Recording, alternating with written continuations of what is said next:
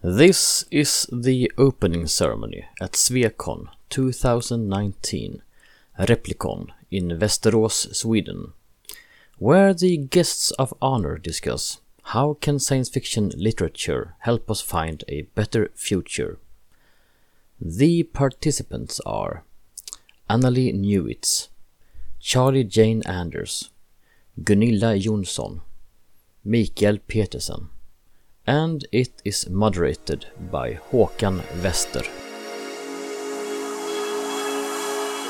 Svekon-poddar, en poddradio från svenska science fiction och fantasykongresser.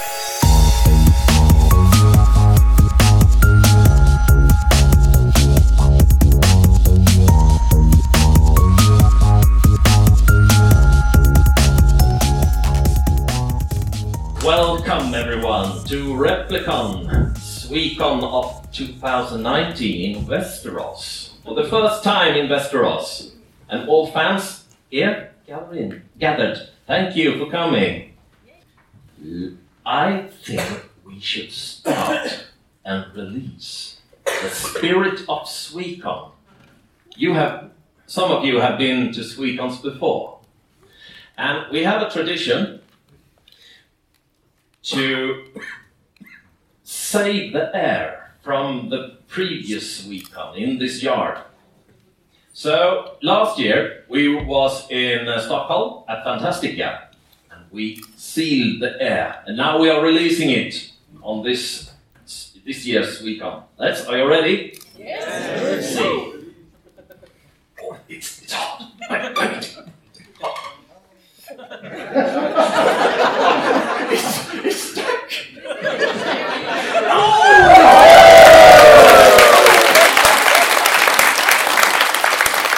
And now we, we, we, take in the new air from this week on this year and save it to the next year. At, at the time, we don't know where it will be. We will learn sooner on, on this Swecon. We are going to have a, a vote for where it will be. Right. Now we have four great guest of honors on this convention, and I thought I could start uh, just a short presentation. We have Anna, uh, Annalee Newitz. She is a science uh, journalist, and she has written a book called Autonomous, and you have another novel coming now in August, was it? In September. September, yeah.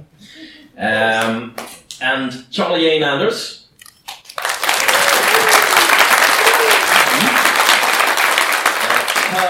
Recent, uh, her last book was uh, one called "The City in the Middle of the Night." So if you don't have it, buy it. and we have uh, our Swedish guest of honors, uh, Gunilla Jons- Johan Jonsson. Sorry. And Michael Petersén. They uh, have written the greatest role-playing games from my youth. I was playing the, the Moss Mossel adventure in the middle of the 1980s, and I loved Mutant, Mutant in Swedish. And they have written Kult as well. Uh, and last year, you released a novel based on on uh, on that role-playing game from the 1990s, one or something, yeah, uh, called Döden är bara början. The death is only the beginning. so I can absolutely recommend it. A wonderful novel. Um, I thought we could have a small, short discussion. Um, and I have, when, when I was um, getting you at Arlanda last yesterday, uh, Annalee and uh, Charlie Jane, we spoke in the car about what, what can we discuss in the opening ceremony. And Annalee gave me one wonderful suggestion. Uh, and it was about how we describe our time. It's crisis. It's, it's an environment going away. It's uh, the climate crisis. It's uh, antibiotica are not working anymore. It, it's like we are going over the steep and we can't stop the car. And we wondered, can science fiction literature help us find a better future? What do you say? Is it possible? Would you like to start, Annalee? I figured I would have to. um, well, as you know, I've come all the way from Dorn uh, to be here uh, in Westeros. And, and, uh, and, of course, in Dorn, we have um, a very corrupt leader, and so we've been dealing a lot with, uh, with dystopia and uh, thinking about how fiction can help us um, maybe have a more progressive uh, world. And I think that there's there's two ways that science fiction can help. Um, science fiction is really great at helping us think about alternative futures. Um, and I don't just mean dark futures. It can help us think about dystopia and how to avoid uh, the worst aspects of humanity. Uh, but it can also help us think about goals and where we want to go. And I think that that's the first step toward um, a political agenda. And I don't think that it's always easy to translate uh, utopian science fiction or optimistic science fiction into politics, but I think it's helpful for us, even emotionally, just to have an idea of where we want to go and how we want to bring the real world there, um, just to have that in mind. Um, the other thing I think that science fiction can do is that um, oftentimes um, when we do have uh, when we do have more conservative political regimes, as we do in Dorn, um, sometimes the public turns against science and turns away from scientific explanations for what's happening in the world. And I think that science fiction, through storytelling about science and about how science is done and what real scientists are like, can help people, can help normalize science again, can help people think about science as not just a way to solve problems, but even just as a way of perceiving the world. So looking for evidence for things that are happening, looking for testable hypotheses instead of um, just superstition or you know things that you see on Facebook. So I think those are the, for me the two things that are really helpful about science fiction. What do you think? so there's discussion in the last year or two with the science fiction writer and reader community about the need for hope, and some people have said that we need a genre called hope punk. We did an episode of our pod- whoa, an episode of our podcast. Our opinions are correct about hope punk and hopeful science fiction, and I think that it's something that we're all, a lot of us are thinking about right now, and. Um, I think that hope is not, you know, hope is not about sort of blind optimism or, or thinking, oh, everything's going to be fine, we can just relax, it's all good. Hope is basically, hope is the idea that, if, that we, are, we, we need to struggle, we need to work hard, we need to fight, we need to organize, we need to join together.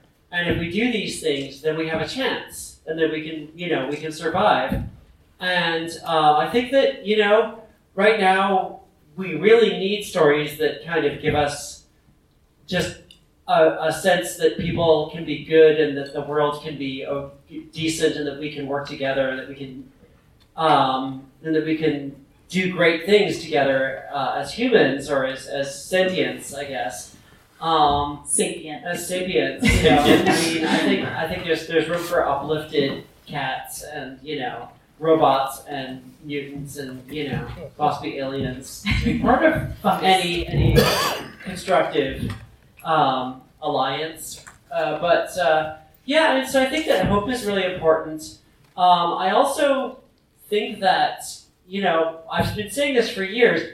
Writing a dystopia or reading about a dystopia is a hopeful act. It's an optimistic act because you are conjuring these dark terrible images of, of a horrible possible future um, so that we can imagine surviving it, so that we can imagine how we would cope with it, so that we can imagine getting through it in one piece and, you know, figuring it out, and so that we can better understand the worst possible scenario and what it what it's really about and what it consists of, and start to arm ourselves against it. And I think especially uh, one final point, I think that something that's been really inspiring me in the last you know few years in speculative fiction, particularly, is that the uh, the the people who are included in the stories, people who are writing the stories, and thus the people who we see surviving dystopias and apocalypses and are working together to build a better future and all that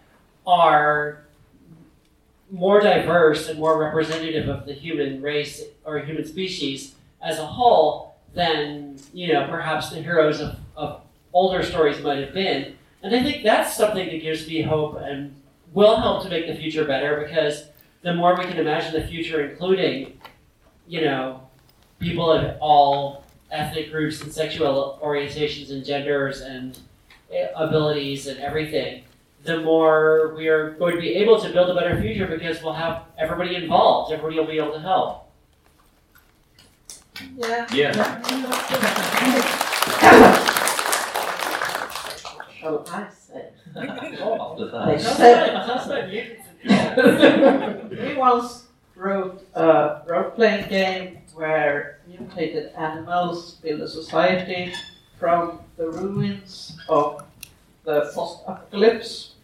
And uh, I think one of the things that fantastic fiction can help with is put down the small details. Often people get very worked up about the the scale of the problem. They think, oh, climate change, uh, the polar ice is melting, uh, biodiversity loss, we're we're, done for. It, it's it's uh, I can't handle it. It's too big. But fiction can put just like science can put it down to small sizable pieces, small sizable persons, small sizable mutated dogs building small sizable cities with flip-flop guns in the wasteland that was formerly Westeros, for instance. and I think that is a very good way to make people turn away from despair. The despair of it's too big, I can't even think it. We got to help people think, and authors can help people think by putting together stories that is manageable with problems that is at least describable and not in a huge scientific scale. One of the things that's really been making me um, inspired over the past couple years has been doing role playing games. Um, I got back interested in role playing games and started doing them a lot over the past couple of years, and I think it's because collaborating with other people to tell a story feels very hopeful. And I don't know, does that fit with your experience or? Yeah, we, we were at a small seminar about climate change and role playing some weeks ago and talked about the slowness of role playing games. that we will have to scale down our society somehow. We have to, to use less energy. And reading and writing and playing role playing games and playing other games are quite slow things to do. Not energy consuming. Not that energy consuming. It's like slow thinking. so Sustainable storytelling. sustainable storytelling. Yes, I think that we have to find a way of living together, culture that will work in a quite different way than the one we're living in now. And as Charlie James says, where everybody has a place, and I think that has to take some time. And I think slow culture is good for that. Michael, would you like to say something? Oh, we can. It feels rather hard to say something reasonably intelligent after all these intelligent people saying intelligent things and I'm not that smart. um, um, I can be rather funny though. Yeah. Um, no, uh, for me, I think actually I kind of look at it in a different way. I think we're screwed. I think if everything goes as well as it possibly can't, we get a 3 degrees Celsius rise in temperature, tens of millions of people, if not hundreds of millions of people, will die. Uh, civilization will be lost. Uh, Mad Max would seem to be a very optimistic view of the future because it will be a hell of a lot worse. So um, perhaps can fiction give us some hope? Um, I, my hope actually is not lie literature. My hope is within the young generation.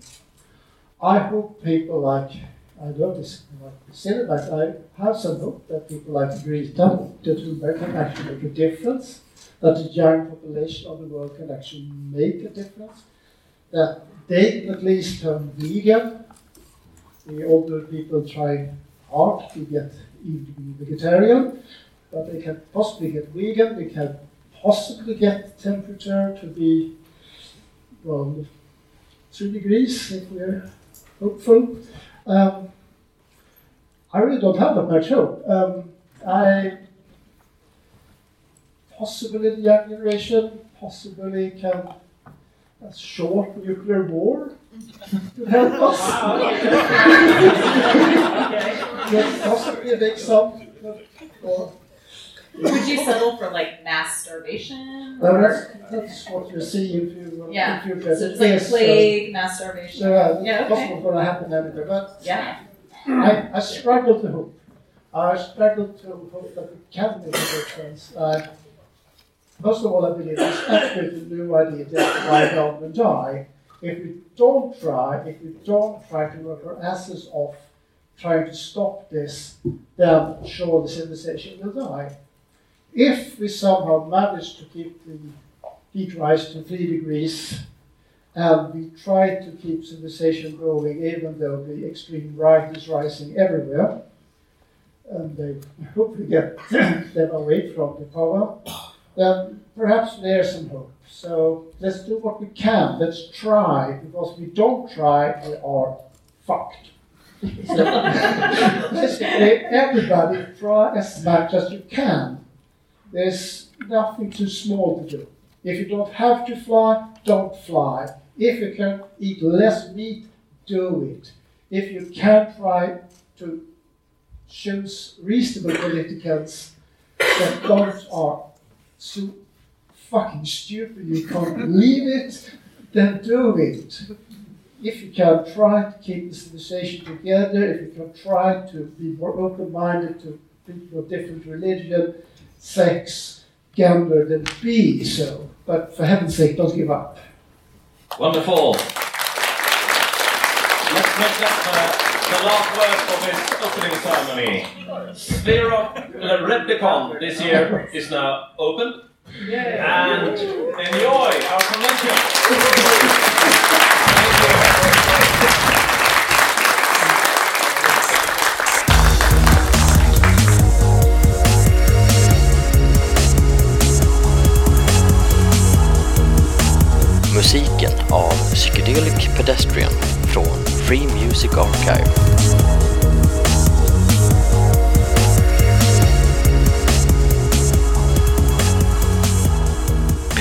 gärna vår hemsida på svekonpoddar.se